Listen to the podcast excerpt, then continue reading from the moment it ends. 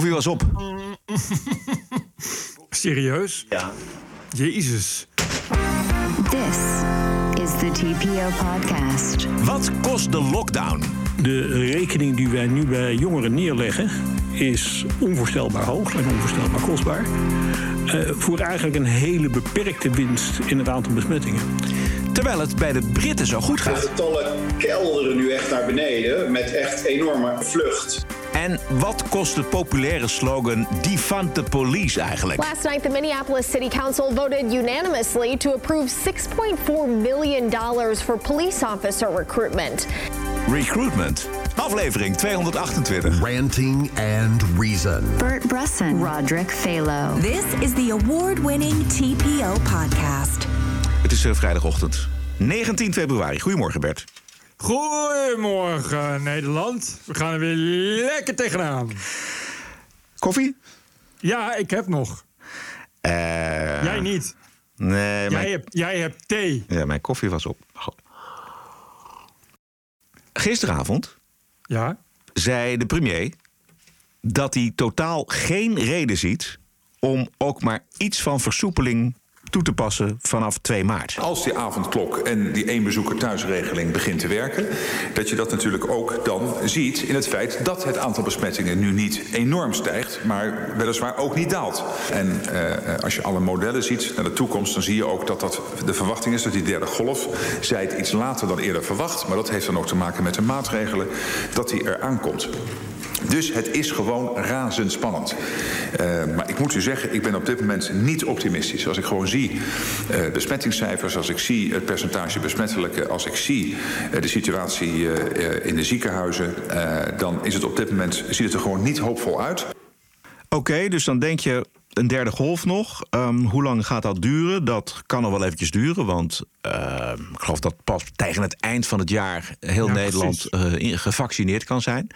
En dan is het nog maar hopen dat alle vaccinaties uh, helpen tegen de mutaties die er uh, dan weer zijn. Ja. Dus is er een groep prominente Nederlanders die denkt: we moeten iets doen op de lange termijn. Ja. Voor de lange termijn. Herstel.nl, dat die domeinnaam nog beschikbaar was, vond ik op zich al een prestatie. Hebben ze wel mazzel. Dat is wel Ja. slim bedacht. Ja. Nederland van het slot, dat, daar gaat het eigenlijk over. Een van de initiatiefnemers is econoom Bas Jacobs. Eh, Dat is iemand die ik eh, ken en zeer serieus neem. En de ander is eh, de oud-directeur van het Centraal Planbureau, Koen Teulings. En die zat gisteravond bij Op 1. De rekening die wij nu bij jongeren neerleggen is onvoorstelbaar hoog en onvoorstelbaar kostbaar. Eh, voor eigenlijk een hele beperkte winst in het aantal besmettingen. Dus waar, eh, waar we in ieder geval voor pleiten, is in ieder geval gewoon zorg echt zo snel mogelijk dat die scholen weer open gaan. Eh, zorg zo snel mogelijk dat universiteiten weer open gaan. Daar heeft vreemd genoeg niemand het over, maar dat is echt vreselijk belangrijk. Kijk, als je nu kijkt naar het gedrag wat mensen feitelijk doen, wat mensen feitelijk doen, dat is het ouderen beschermen zich. En dat begrijp ik goed. Ehm, die, zijn kwetsbaar, dus die eh, verminderen hun contacten enorm. Dat kun je gewoon, als je naar de cijfertjes van het RIVM kijkt... dan zie je dat ouderen eh, zich enorm terugtrekken, eh, hun contacten enorm verminderen. Nou, dat is verstandig. En ik denk dat de samenleving ouderen daarbij moet helpen. Zij stellen voor, per 1 maart, einde avondklok, einde lockdowns... winkels, horeca, onderwijs, cultuur open... Testen alleen bij klachten, massaal snel testen, alleen bij hoge uitzondering. Mensen gewoon weer aan het werk. Kwetsbaren werken of vanuit huis, of ze gaan tijdelijk in de ziektewet. En ze hebben vooral wat opvallend is dat ze meer vertrouwen hebben in de eigen keuzes van burgers en organisaties. Ja. Ja. Wat denk jij? Ik ben het daar wel mee eens. Ja, ik bedoel, ik ben nooit een uh, grote criticus geweest van uh, de maatregelen. Maar ik begin toch wel na een jaar begin ik het wel te begrijpen. En uh, dit, zijn, dit zijn geen kleine namen. Weet je, Bas Jacobs en Koen Teulings zijn geen mensen waarvan je kunt verwachten dat ze stiekem wappies zijn die uh, morgen komen dat ze zijn, ge, zijn geïnjecteerd met 5G of zo. Dit zijn mensen die erover na hebben gedacht en ook zich ondersteund weten door uitgewerkte ideeën van ook wetenschappers, artsen, virologen. En ik lees die stemmen steeds meer en dat begrijp ik wel, omdat op een gegeven moment ga je denken: wat is dit nog voor een leven? Uh, wat is überhaupt als het zo doorgaat, nog de waarde van een virus overwinnen. eh, in een land waar, waar, ja, waar mensen al zo lang niets meer kunnen, waar de economie zo kapot is. Ik vind dat tot nu toe elke visie daar verder op ontbreekt. Ja, precies. Wat ik met jou eens ben, is dat er inderdaad een gebrek is aan een lange termijnvisie. Want als je het hebt over een derde golf, dan kan er ook nog een vierde en een vijfde komen. Ja. Dat kan allemaal omdat we pas eind van het jaar ehm, waarschijnlijk alle Nederlanders gevaccineerd hebben. Tot die tijd eh, redt de economie het volgens mij niet. Ik sprak gisteren met een eh, glazenwasser hier, die heeft een schoonmaakbedrijf. En die eh, moet naar de bijstand. Want eh, alle Ja. opdrachtgevers zijn afgehaakt. Eh, het enige wat hij nog doet is een beetje af en toe eh, wat ramen wassen. En eh, that's it. En ik begrijp dat daar dus een, een, een gevoel ontstaat bij economen, bij iemand als Teulings, bij andere mensen. Van ja, maar wat is nou eigenlijk? Stel dat het niet overgaat. Stel dat we nog twee jaar hiermee aan de gang zijn. Het sprak mij aan, moet ik zeggen. Uh, maar gisteravond zat ook Marcel Levy bij Op1. Vaak de gast geweest bij uh, Maurice de Hond in zijn online programma. Levy Ja. is directeur van meerdere ziekenhuizen in Groot-Brittannië. En hij vindt deze aanpak geen goed idee. Het experiment van meneer Teulens is al gedaan van de zomer. Toen was alles open. De jongeren mochten lekker naar Griekenland en Spanje op vakantie, mochten feesten, kwamen terug. En je zag eerst in de universiteitssteden alle plaatjes rood worden. En later sloeg dat over op de ouderen. Dus ik, ik denk niet dat dit een heel erg goed, heel erg goed idee is. Um, ik, ik, ik, ik herken de schade die wordt aangericht bij jongeren. Maar ik denk dat we niet voorbij moeten gaan aan de schade die op dit moment wordt aangericht bij ouderen. En we gaan hier alleen maar doorheen komen als we het samen doen, als één groep, als één gemeenschap.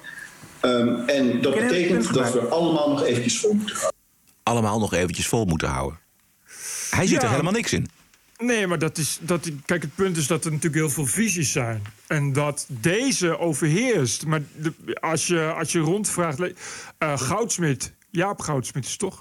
Die, die bekende viroloog, la- las ik laatst ook een interview van... die zei ook van ja, als je... Als we, als zoals we nu vaccineren, doen we het niet goed. Laten we dan vooral bijvoorbeeld die oudere groep vaccineren. Zodat die rest bijvoorbeeld wat meer vrijheid kan krijgen. Eh, zodat je die ouderen, die ziekeren en zwakkeren, alvast kunt beschermen. Jawel, maar Bert, eh, we zijn niet alleen voorzichtig voor de ouderen. De ouderen zijn wel de kwetsbare groep. Maar er liggen ook mensen van 40, 50, eh, 60 in het ziekenhuis. Ja, en ik Ja. ken ook jongeren die het hebben gekregen. En die kunnen het weer doorgeven. Dus ik, ik begrijp aan de ene kant natuurlijk het probleem voor de economie, voor al die ondernemers. Eh, ik begrijp dat we een lange termijn plan moeten hebben. Want er kunnen nog meerdere golven aankomen en het vaccineren gaat niet snel genoeg. Maar ja, dan zijn we verder wel uitgeluld volgens mij. Ja, maar de andere kant is... eh, wa- waar, waar ga je straks nog over lullen dan? Over een economie die, die op gelijke voet staat met, met 1929. Over een generatie die, die massaal eh, depressief is... en van eenzaamheid niet meer weet wat ze moet doen. Over, eh, als ik hier kijk, op de Canarische eilanden... is iedereen werkloos. En de, en de armoede was al hoog. Maar 100% is straks hier aan de uitkering... omdat eh, toerisme de enige le- de levensader was. En, en, en een bijna letterlijk verloren generatie. Het is wel lang als je een jaar niks kan. Eh, en het gaat maar door. En nu wordt het, begrijp ik, in Nederland overmorgen mooi weer. Maar geen terrassen die open gaan. Weet je, ik, ik begrijp al die mensen die zeggen: ja, maar wat, wat voor leven is dit dan? Dan, is het, dan kun je nog beter zeggen: ik gok erop, omdat. Natuurlijk worden mensen ziek, maar het percentage is ook weer niet dat er nou 99% ernstig ziek wordt. Dan zeggen mensen: Nou, ik heb dan liever waag ik de gok dat ik dat, dat ik dat uitziek. Het is ook geen ebola. Het is ook niet zo dat als je de avondklok afschaft, dat dan morgen heel Utrecht op sterven ligt. Maar dat het dus een heel klein percentage van heel Utrecht ziek wordt. Waarvan eh, het grootste percentage van die zieken inderdaad ouderen en toch al zieken zijn. Maken we onszelf niet te bang, want in Engeland, in Schotland gaan de cijfers alweer naar beneden. Ik las in Nederland, werd er uitgerekend... oei, de Britse variant komt. Als we niks doen, dan hebben we straks 150.000 besmettingen per dag. Nee, dat- dat is waar. En wat, Precies, wat blijkt nou? Oh nee, nee, maar dat was maar een berekening en het blijkt helemaal niets van te kloppen. Nee, dat zegt hij. Marcel Levy zegt dat ook. De, de, gisteravond zei hij dat. Van, eh, de- dat is te negatief ingeschat. Maar goed, dat kan ook. Misschien eh, better safe than sorry. Wat hij dan ook nog zegt, is natuurlijk dat... Kijk, als je dus eh, de boel loslaat, ja, dan ga je de prijs betalen. Hij zegt, het gaat goed, de strijd tegen corona in Groot-Brittannië. Ja, het gaat eigenlijk best goed. We hebben natuurlijk een verschrikkelijke januari achter de rug. Maar de getallen kelderen nu echt naar beneden. Met echt enorme, eh, eh, eh, met een enorme vlucht. Ik hoorde net dat we 40% minder besmettingen hebben dan een week geleden. En dat is nu al twee weken achter elkaar. Dus Ja. dat is eigenlijk heel goed nieuws. Hoe verklaar je dat? Is, dat ehm, eh, de- is het het vaccin? Is het omdat de Britten zich zo zich keurig aan de regels houden? Nou, de Britten die houden zich niet superkeurig aan de regels. Ze houden zich redelijk keurig aan de regels. Die regels zijn niet heel anders dan de lockdown in Nederland. Dus dat is een geruststellende gedachte. Dat je met die lockdown toch in staat bent ook die Britse variant onder controle te houden. En daarnaast is, is het natuurlijk ook zo dat er inmiddels toch ehm, ja, 16 miljoen Britten gevaccineerd zijn. Dat is 25% van de bevolking. En vooral natuurlijk de, het kwetsbare deel, de, het deel wat in het ziekenhuis belandt. Ehm, ja, en dat is natuurlijk toch de combinatie van die twee. Ja, dat is toch hartstikke goed nieuws. Ja. Dan blijkt toch dat je die, die pandemie eronder kunt krijgen. Dus toch Ja. combinatie van lockdown en vaccineren. Ja, maar dan moeten we wel gevaccineerd worden. Ja. La- maar, dat, maar dan laten we dan in elk geval zorgen dat het op zijn minst... Ja, je kan nu niks doen aan het feit dat je te weinig inkoopt. Dat er te weinig wordt geproduceerd. Maar laten we in elk geval de organisatie van het vaccineren goed regelen. Haal in elk geval Hugo de Jonge daarvan af. doe, in elk geval iets. Dat is toch wel het minste wat je kan doen. Dat er, in elk geval dat we meer vaart maken met vaccineren. Dat we in elk geval eh, beginnen met die kwetsbaren, met die ouderen. Voor iedereen die het eh, wil even na wil kijken wat zij allemaal zeggen, hun standpunten en hun ideeën, ga naar herstel.nl. This is the TPO podcast. Ayaan Hirsi Ali heeft een nieuw boek. Dat heet Prooi en gaat over de verslechterde positie van vrouwen in Europa door massa-immigratie van mannen uit het Midden-Oosten, met name uit Syrië. Want in tegenstelling tot wat GroenLinks en D66 beweerden, waren dat niet alleen apothekers, maar vooral gewone mannen die hun patriarchale kijk op vrouwen niet in het Midden-Oosten hebben achtergelaten, maar meenamen naar Keulen, naar Rotterdam, Amsterdam, Birmingham, Malmö, in Zweden en de rest van Europa natuurlijk. Hirsi Ali concludeert dat als je de veiligheid en de rechten van vrouwen wilt waarborgen, en dat moet natuurlijk in een rechtsstaat, dan moet je immigranten die zich misdragen hun Nederlanderschap kunnen afpakken en kunnen deporteren. En dan lopen we natuurlijk onmiddellijk op tegen de politieke onwil en de politieke het onvermogen op zijn broekers knol, zullen we maar zeggen. Maar het is natuurlijk heel goed dat Ayaan de ongemakkelijke feiten maar weer eens op tafel legt. Ze komt overal met dat boek. Vandaag staat in NRC Handelsblad weer een groot artikel. En wat ik lees aan commentaren is van mensen als... Hoe heet hij ook weer? Leo Lucassen. Die dan zeggen... Oh. wat is dit toch een grijs gedraaide plaat. Nee, en ik las, de New York Times had het al kapot geschreven. Ja, helemaal kapot Want geschreven. Ayani SCA die predikt onverdraagzaamheid. Ja. Het feit dat, zoals A- Ayaan aantoont in haar boek... eh, in sommige gevallen sprake is van 12% van islamitische mannen... die verantwoordelijk zijn voor, voor seksueel geweld... Eh, terwijl die 1 of 2 procent van de bevolking uitmaken. Dus dus, dus een, een hele kleine groep die verantwoordelijk is voor een, groot, voor een groot gedeelte. eh, wordt dan kennelijk weggekeken. Ja. Dat wordt dan, wordt dan niet genoemd. Eh, ik las in het interview met NSC's dat ze heeft overal in Europese landen cijfers opgevraagd. En zij zegt: sommige landen registreren geen etniciteit bij geweld. Want Tweede Wereldoorlog. Maar ze zegt ook: ik heb te horen gekregen van sommige anonieme topambtenaren dat er landen zijn die zeggen. Wij hebben wel die cijfers, maar die maken we niet bekend. Want we willen niet dat de bevolking de indruk krijgt. dat islamitische eh, eh, migranten seksuele geweldsdelicten plegen.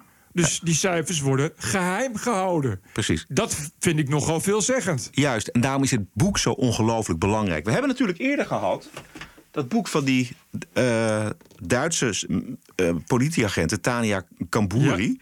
Vrouw in het blauw, noodkreet van een politieagent. Die eigenlijk precies hetzelfde zegt. Weet je wel? Zij zegt ook, ja, het is een soort parallele samenleving. Deze mensen zijn, hebben totaal geen nul respect voor vrouwen, voor de politie, voor het land waarin ze leven. Het maakt ze allemaal niks uit. En um, dit is een, een bijproduct van de massa-immigratie uit het Midden-Oosten. Wat helemaal geen grijs gedraaide plaat is. En het is uh, cijfermatig onderbouwd. Ze heeft gewoon onderzoek gedaan uh, om te kijken: uh, is, er, is er een verband? Is er een kausaal verband tussen, tussen immigratie en de stijging, want die, die is aantoonbaar, de stijging van seksuele delicten? Ja, die is er. Is, is, is wel wat ik uit, uit, Ik heb het boek niet gelezen, maar wat ik uit het interview met NSC las, ik begrijp, is. Uh, is er een verband. Moeilijk om dat hard te maken, ook vanwege het gebrek aan cijfers. Maar je kan het bijna niet, bijna niet ontlopen. Nee. En net als wat je net zei, uh, vrouw in blauw, is dit iemand die ook uit ervaring spreekt. Ze zegt. Ik, ze komt zelf uit Somalië. Ze zegt toen ik in de jaren negentig in een asielzoekerscentrum zat, uh, leerde ik fietsen. Dan kreeg ik te horen van Somalische mannen je mag niet fietsen, want als je gaat fietsen moet je je benen wijd doen. En een vrouw die de benen wijd doet, die maakt zich beschikbaar. En zij zegt, ja, dit zijn opvattingen die nu nog steeds zijn. Kijk naar uh, Groot-Brittannië, Rotterdam. Ja. Uh, Telford. Ja, de grooming gangs. Duizenden slachtoffers. De gangs uitsluitend Asians. En het zijn geen Vietnamese faux-eters, maar allemaal islamitische mannen uit Pakistan. Ja, op een gegeven moment speelt dat allemaal. Die grooming gangs, vooral blanke meisjes worden uh, misbruikt. En dat wordt allemaal onder het tapijt gehouden. Iedereen weet er vanaf. De gemeenschap weet er vanaf. De ouders van die jongens die dat doen weten er vanaf. De politie weet er vanaf. De, het gemeentebestuur weet er vanaf. Maar niemand durft daar iets aan te doen, durft er iets over te zeggen. Uit angst voor racisme. Uit angst om als racist neergezet te worden. En die, die gruwelijke dikke deken van politieke correctheid ja, die zorgt ervoor dat die cijfers niet naar boven komen. En die zorgt ervoor dat we het probleem, wat er wel degelijk is, niet in het volle daglicht krijgen. Uh, in Zweden was het uiteindelijk beleid uh, geworden dat de politie uh, de opdracht kreeg inderdaad afkomst niet te noemen. Ja. Uh, in Zweden zijn er journalisten die weigeren dat te doen. in Duitsland was het een, een, ministerie van Justitie dat met dat idee speelde. dat is echt, echt al zes jaar geleden. Uh, als je dat brengt, word je beschuldigd van het verspreiden van nepnieuws. Ja. Maar dat is gewoon waar. Weet je, de, je kon, de, de Beeld bracht het destijds, had gewoon met het ministerie gebeld. Ja, dat geven we toe. Uh, dat zegt toch wel iets. Het feit dat er kennelijk een angst is, geeft wel aan hoe groot die problematiek is. Precies. Dat Centrum voor Amerikaanse Islamitische Relaties, die heeft al een cancelcampagne gestart om dat boek weg te krijgen en om haar optredens in ieder geval uh, uh, te laten Natuurlijk. cancelen. Ja. Kijk, want dan worden de problemen wel opgelost. Precies. Dat zijn vrouwen veel minder het slachtoffer. Ja. Als je Ayana wegpest, wat in Nederland overigens ook goed gelukt is. Ja. En in Nederland zijn de problemen ook opgelost sindsdien. Ja, toch niet. En als een hele kleine groep van islamitische mannen verantwoordelijk is voor een groot percentage van dat soort delicten, weet je dat er een probleem is. Precies. En Dan dat is ook niet zo gek. Ja. En dat legt Ayaan ook uit. Van we, hebben, uh, we hadden uh, al in de jaren negentig moeten zeggen. Welkom, maar strikte voorwaarden tot assimilatie. Strikte voorwaarden tot integratie. Strikte voorwaarden tot uh, eerste taal leren en, en de cultuur leren. Strikte voorwaarden tot het ondertekenen van de waarden. Uh, je moet mannen uit de islamitische cultuur als eerste leren dat vrouwen in Nederland geen lustobject zijn. Dat als een vrouw aan het fietsen is, gewoon aan het fietsen is. En niet haar benen wijd doet, zodat jij je lul erin mag steken. Want dat werkt zo hier niet. Dat vrouwen niet minderwaardig zijn. Dat je vrouwen niet zomaar mag uitschelden voor hoer. Alleen dat ze geen hoofddoekje draagt. Dat doen we niet in dit land. En dat moet je weten. Eh, en dat moet je dan wel durven vertellen. Dan moet je niet zeggen: ja, maar als ik dat aan die mensen vertel, dan doe ik alsof mijn cultuur superieur is. En dat is kwetsend. Ja, deze cultuur is ook superieur. Daarom komen die mensen ook hier, hier ook naartoe. Als hun eigen cultuur superieur was, dan zouden ze niet hierheen gaan. Wie vluchten nou naar een inferieure cultuur, niet waar? Dus laten we daar dan ook eens een keer niet moeilijk over doen en laat de cijfers voor zich spreken. Yes! I was offended and I have rights. TPO Podcast. You're an adult. Grow up. Deal with it. I don't care. care. Wij kijken in de Wokweek naar mensen, bedrijven, instanties die zich een slag in de ronde deugen of laf capituleren voor de terreur van de identiteitsideologie. En dat gebeurt zo ongelooflijk vaak dat wij er twee keer per week stil bij kunnen staan. Ik wilde beginnen met de mate van wokeness in de Verenigde Staten. Daar is de krankzinnigheid begonnen. Dus Amerikanen lopen denk ik een uh, paar jaar voor op ons. In het tv-programma The Bachelor zit een beauty, of course. Rachel Kirkconnell. is een jonge vrouw die van racisme wordt beschuldigd. En dat begon allemaal met een oud klasgenootje die via TikTok zei dat Rachel haar ooit belachelijk heeft gemaakt dat zij uitging daten met zwarte mannen. Een van de Bachelors is in dit seizoen een zwarte man. Meteen was er een ander die haar beschuldigde van het liken van racistische foto's en van het aanwezig zijn op een feest op een voormalige plantage.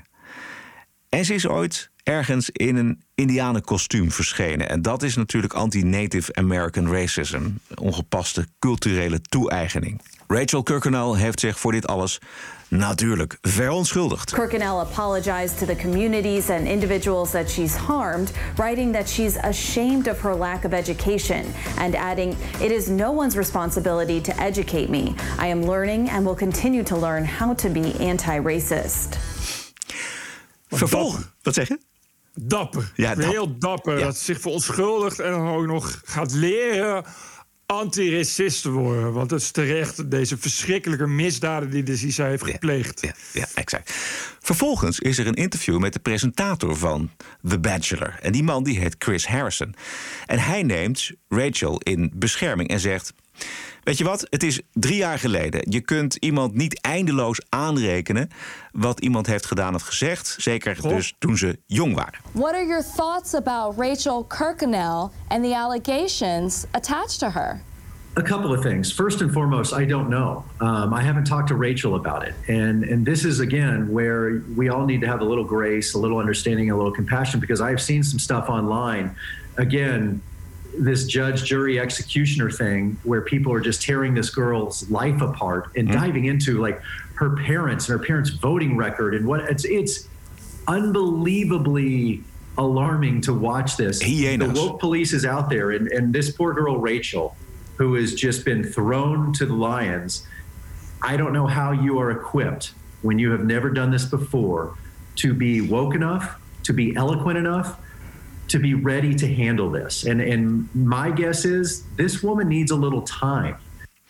Dit is dus presentator Chris Harrison. Maar deze redelijke woorden van deze presentator zijn eigenlijk kerosine op het vuur. Dit is een eh, voormalige deelnemster met een Instagram-account. I am extremely disappointed um, in Chris.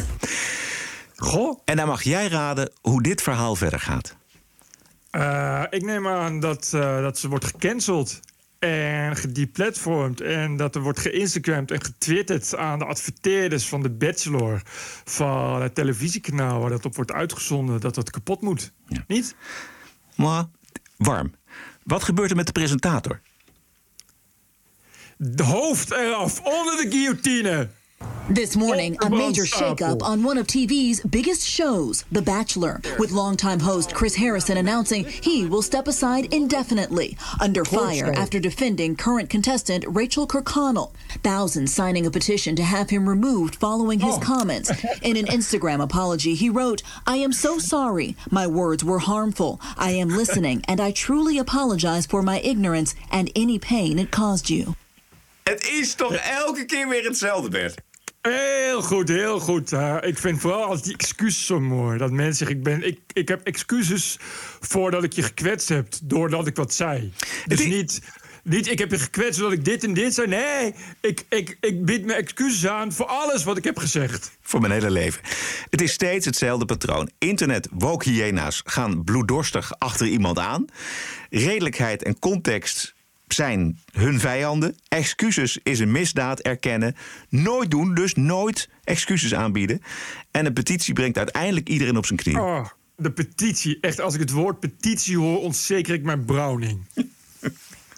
De petitie. Ik ben echt petitie zo zat. Ja. Ik kan echt, als ik het woord petitie hoor, dan denk ik... oh nee, daar gaan we weer. De petitie. De petitie is de... online petitie is de, is de hooivork en fakkel van, eh, van de 21ste eeuw. Het volk, volk komt aanstampen. Ja. De petitie. Ja. En je weet dat iedereen meteen bukt. Want het lijkt tegenwoordig wel... Je hoeft alleen nog maar petities te ondertekenen... en dan is het klaar. Als je maar een petitie hebt, hoppakee. Alsof je daar niet... niet nou, misschien, misschien iets in gang zou kunnen zetten. Nee, een petitie gaan we aanbieden aan de regering. Klaar, dan wordt er meteen een wet voor gemaakt. Not. Hoe, weet je, hoe noemen ze dat nou? Het is gewoon een volksrechtspraak, toch? Dus wat is het? Dus het zijn toch eh, die hyena's die, die bepalen... Volkstribunaal. Volkstribunalen, precies, dat is het. Ja, maar dat is ook wat ze willen zien. Ja. En dat, of het nou woke is en op rechts is het precies zo. Maar dat is het enige wat je tegenwoordig nog hoort. Ja. Volkstribunalen. Moet daar willen, ja, ze willen gewoon bloed zien. Willen gewoon... eh, eh, ja, dat is... eh, wraak willen ze. Rancune. Dat is, het, Ja. het stopt gewoon. Nee. Wat je ook ziet is dat het niet uitmaakt of je excuses aanbiedt. Of dat je, hè, dus dat, Nee, helemaal dat, dat, niet. dat maakt helemaal geen fuck uit. Daarmee krijg je de boel niet gesust. Kijk, excuses gaan uit van een soort genade. Jij biedt je excuses aan, oké, dan, dan is het ac- geaccepteerd, laten we het achter ons. Maar dat is niet zo. Je, je kan je excuses wel aanbieden, maar dat maakt niet uit. Nee. De rest van je leven moet je dan inderdaad. eh, ja, het, ik, het is echt een, een haat bij dat soort justice warriors. En die haat gaat gewoon niet meer weg. Die raakt niet bevredigd. Het is echt, echt een, een, een voortdurende zoektocht. Een voortdurende vraag naar, naar, naar bevrediging van wraakzucht. Ja. Excuses van Albert Heijn aan de mevrouw die wij vorige week lieten horen. De mevrouw, de Vietnamees-Nederlandse vrouw. Die een probleem had met de Vietnamese noedelsoep in de schappen van Albert Heijn. De faux. De faux. En eh, nu laat Albert Heijn in een reactie weten aan Editie NL, die er ook weer een uitgebreid verhaal van eh, had gemaakt. Natuurlijk. Dat eh, zij de kant-en-klare faux uit de schappen gaat halen. Wij willen geen producten ontwikkelen waarbij we mensen kwetsen. We gaan deze receptuur opnieuw ontwikkelen en gaan hierover graag in gesprek met de klant. Het is echt. Als je het leest, moet je het nog zes keer lezen. Om, om het toch om het tot je door te laten dringen. Omdat. Er is dus één persoon Precies, in dat is Nederland. het. Ja. Eén persoon die op een dag bedacht...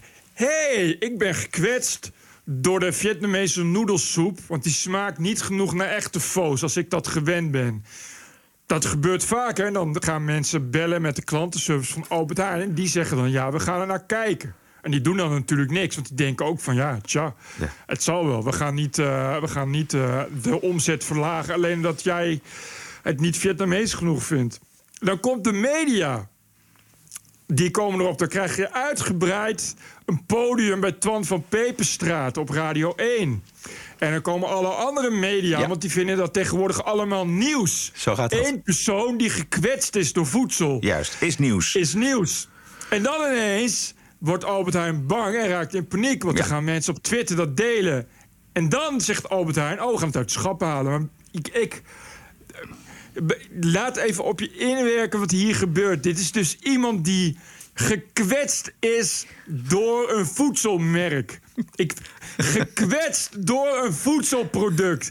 2021 in Nederland zijn mensen gekwetst door een product in de Albert Heijn schappen. Alleen omdat het er ligt, dus niet omdat het giftig is. Nee, nee. Of, om, of, omdat, of omdat er mensen aan dood zijn gegaan. Of omdat het naar, weet ik veel, het nazi-tijdperk verwijst. Nee, omdat het de verkeerde Vietnamese faux is. En je kunt er namelijk ook gewoon aan voorbij lopen, bijvoorbeeld. Hè. Dat, is, dat doen heel veel mensen. Aan heel veel producten gewoon voorbij lopen. omdat je het niet lekker vindt. of dat je het niet goed vindt. of dat je de naam je niks zegt of wat dan ook. Die zin. Ik, Albert Heijn wil, wil geen mensen kwetsen met hun producten.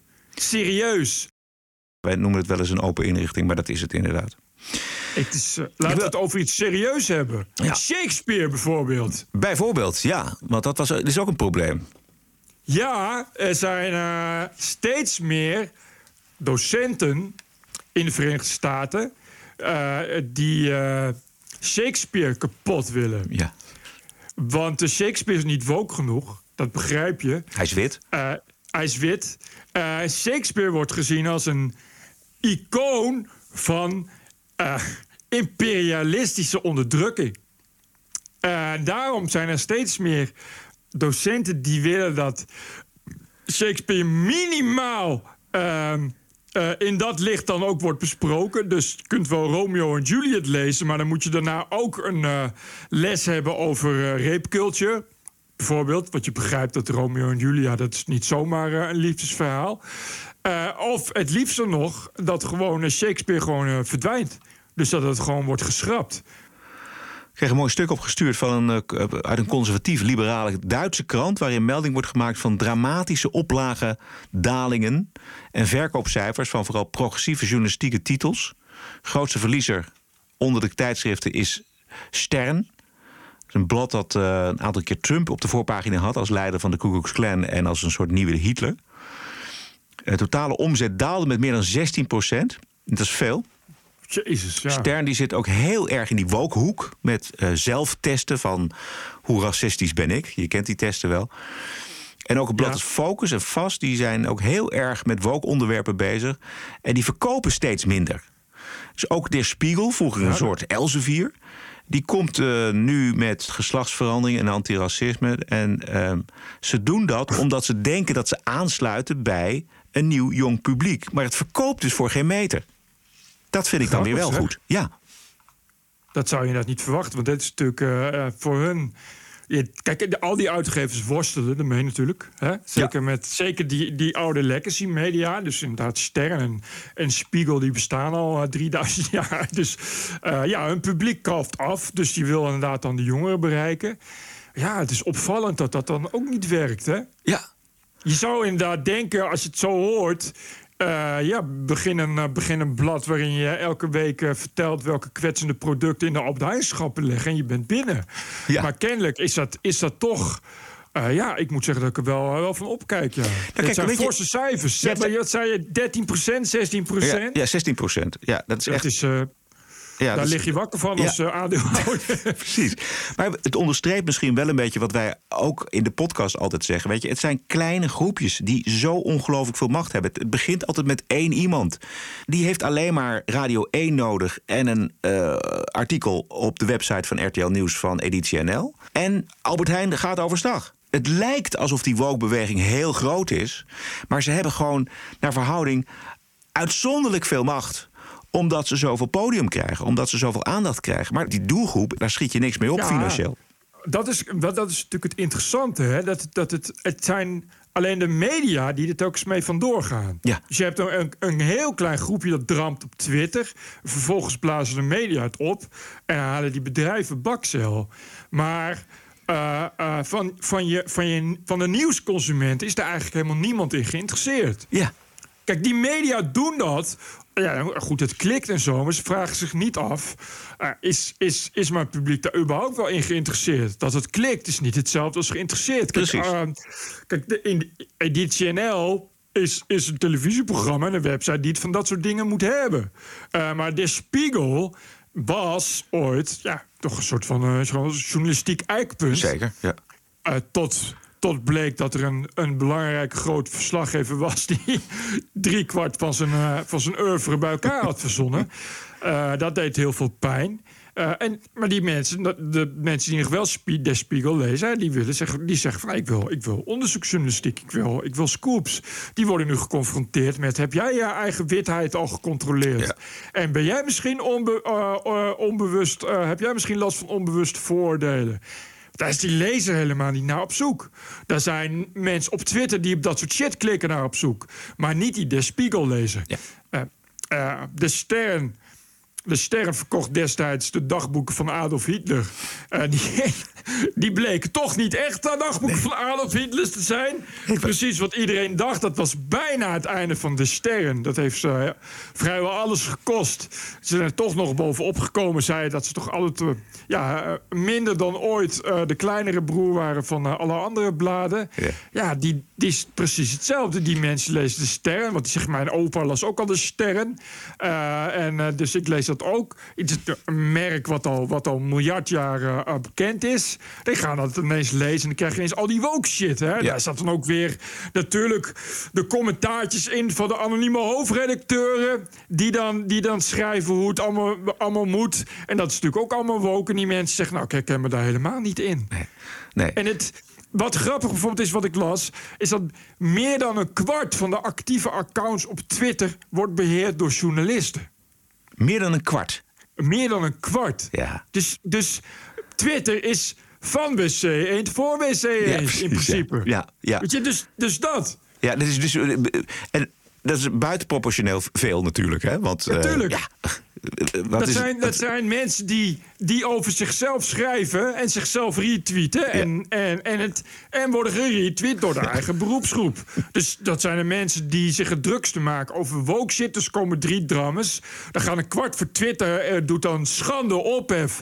Want dat is een kwart. Het zijn die journalisten en die nemen dat ook weer mee. Die denken, hé, hey, nieuw verhaaltje om op te klikken.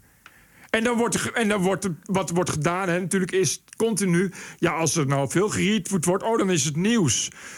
Want het is, Twitter is de thermometer van de samenleving. Maar dat is het helemaal nee, niet. totaal niet. Totaal niet. Dat nee. is, het, zijn, nee. het is een hele kleine zuil die zichzelf, die zichzelf bevlekt met ja, Twitter. Exact. 99% van de mensen heeft helemaal niks te schaften met Twitter, volgens mij. Nee, grappig hoe dat werkt. Hè? Wat een vertekenend beeld van de werkelijkheid dat is.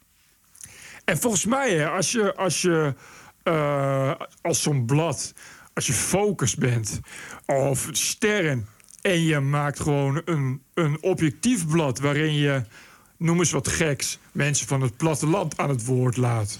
Of noem eens wat anders geks, mensen die een religie hebben. Uh, uh, of conservatieve waarden. En je, je maakt dat stop. Zou je zien dat mensen dat ook ineens willen gaan lezen? Ja. Dit is de TPO-podcast. Een eigenzinnige kijk op het nieuws en de nieuwsmedia. Twee keer per week, elke dinsdag en elke vrijdag.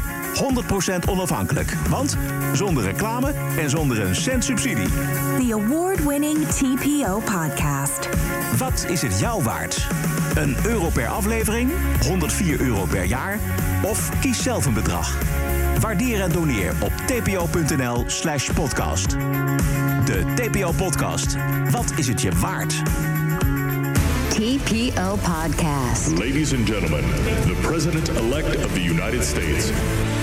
This is CNN breaking news. We have never, ever, ever, ever failed in America. It's an incredible way of putting it. Telling the truth matters. It's an incredible way of putting it. This is a Russian intelligence disinformation campaign. Why isn't Joe Biden angrier about all of this? How stupid can you be? This is a classic example of the right wing media machine. Sure. You know the facts well.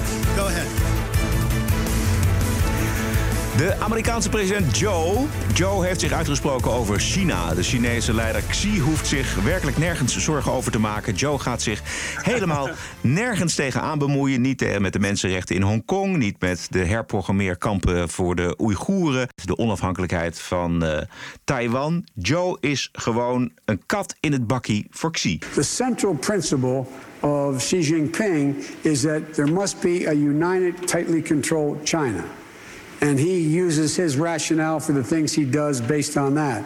I point out to him no American president can be sustained as a president if he doesn't reflect the values of the United States. And so the idea I'm not going to speak out against what he's doing in Hong Kong, what he's doing with the Uyghurs in western mountains of, of uh, China, and Taiwan trying to end the one China policy by making it forceful. I, I said, and by the he said he he gets it.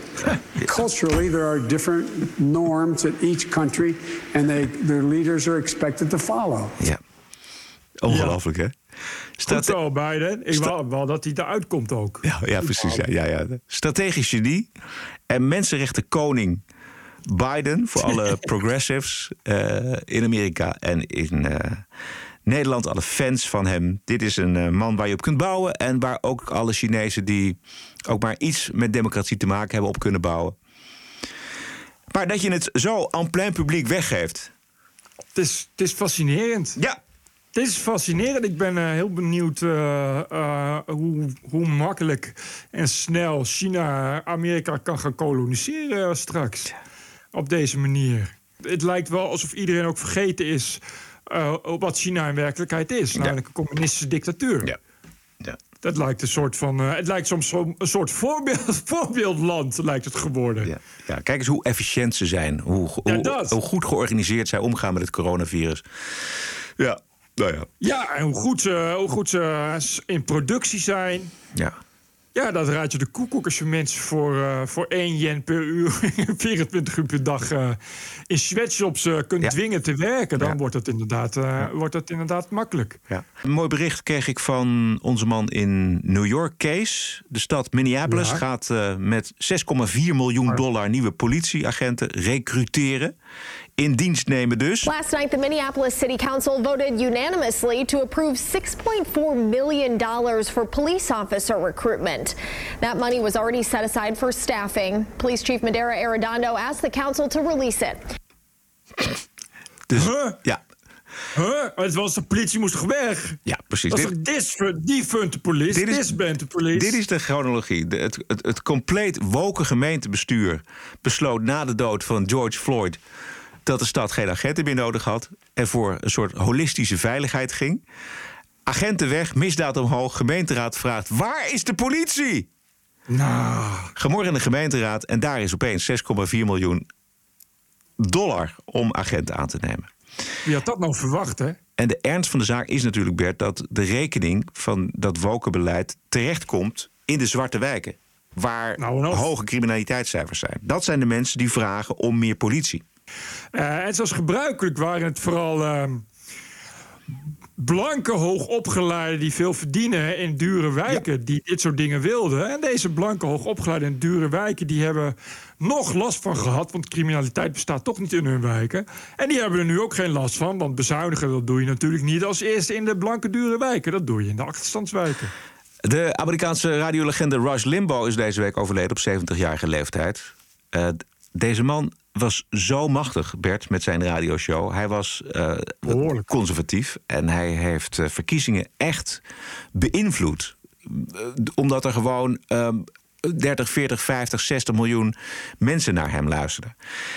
Dit is ex-president, of ex-vicepresident eh, Mike Pence over hem in 2001. Dat is 20 jaar geleden. On behalf of an American who has greatly impacted my professional life uh, and to the frustration of many has greatly impacted the life of the nation.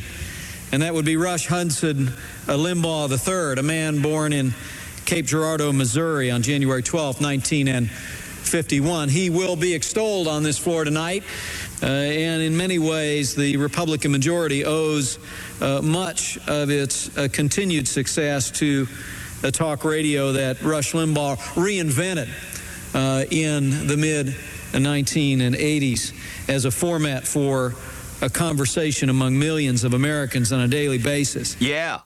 Ja. En progressief Amerika haatte deze man zo ongelooflijk uit hun tenen. En CNN herdacht deze Rush Limbaugh deze week op deze manier. Rush Limbaugh became the most prominent political radio host in modern American history, a conservative media icon whose legacy will always symbolize division. Right. Division. Gewoon netjes dat, Ja. je de, dat iemand dood is, dat je niks anders kan zeggen dan dat. Precies, succesvol. Succesvol en rechts, dat is altijd een beetje moeilijk voor linkse mensen.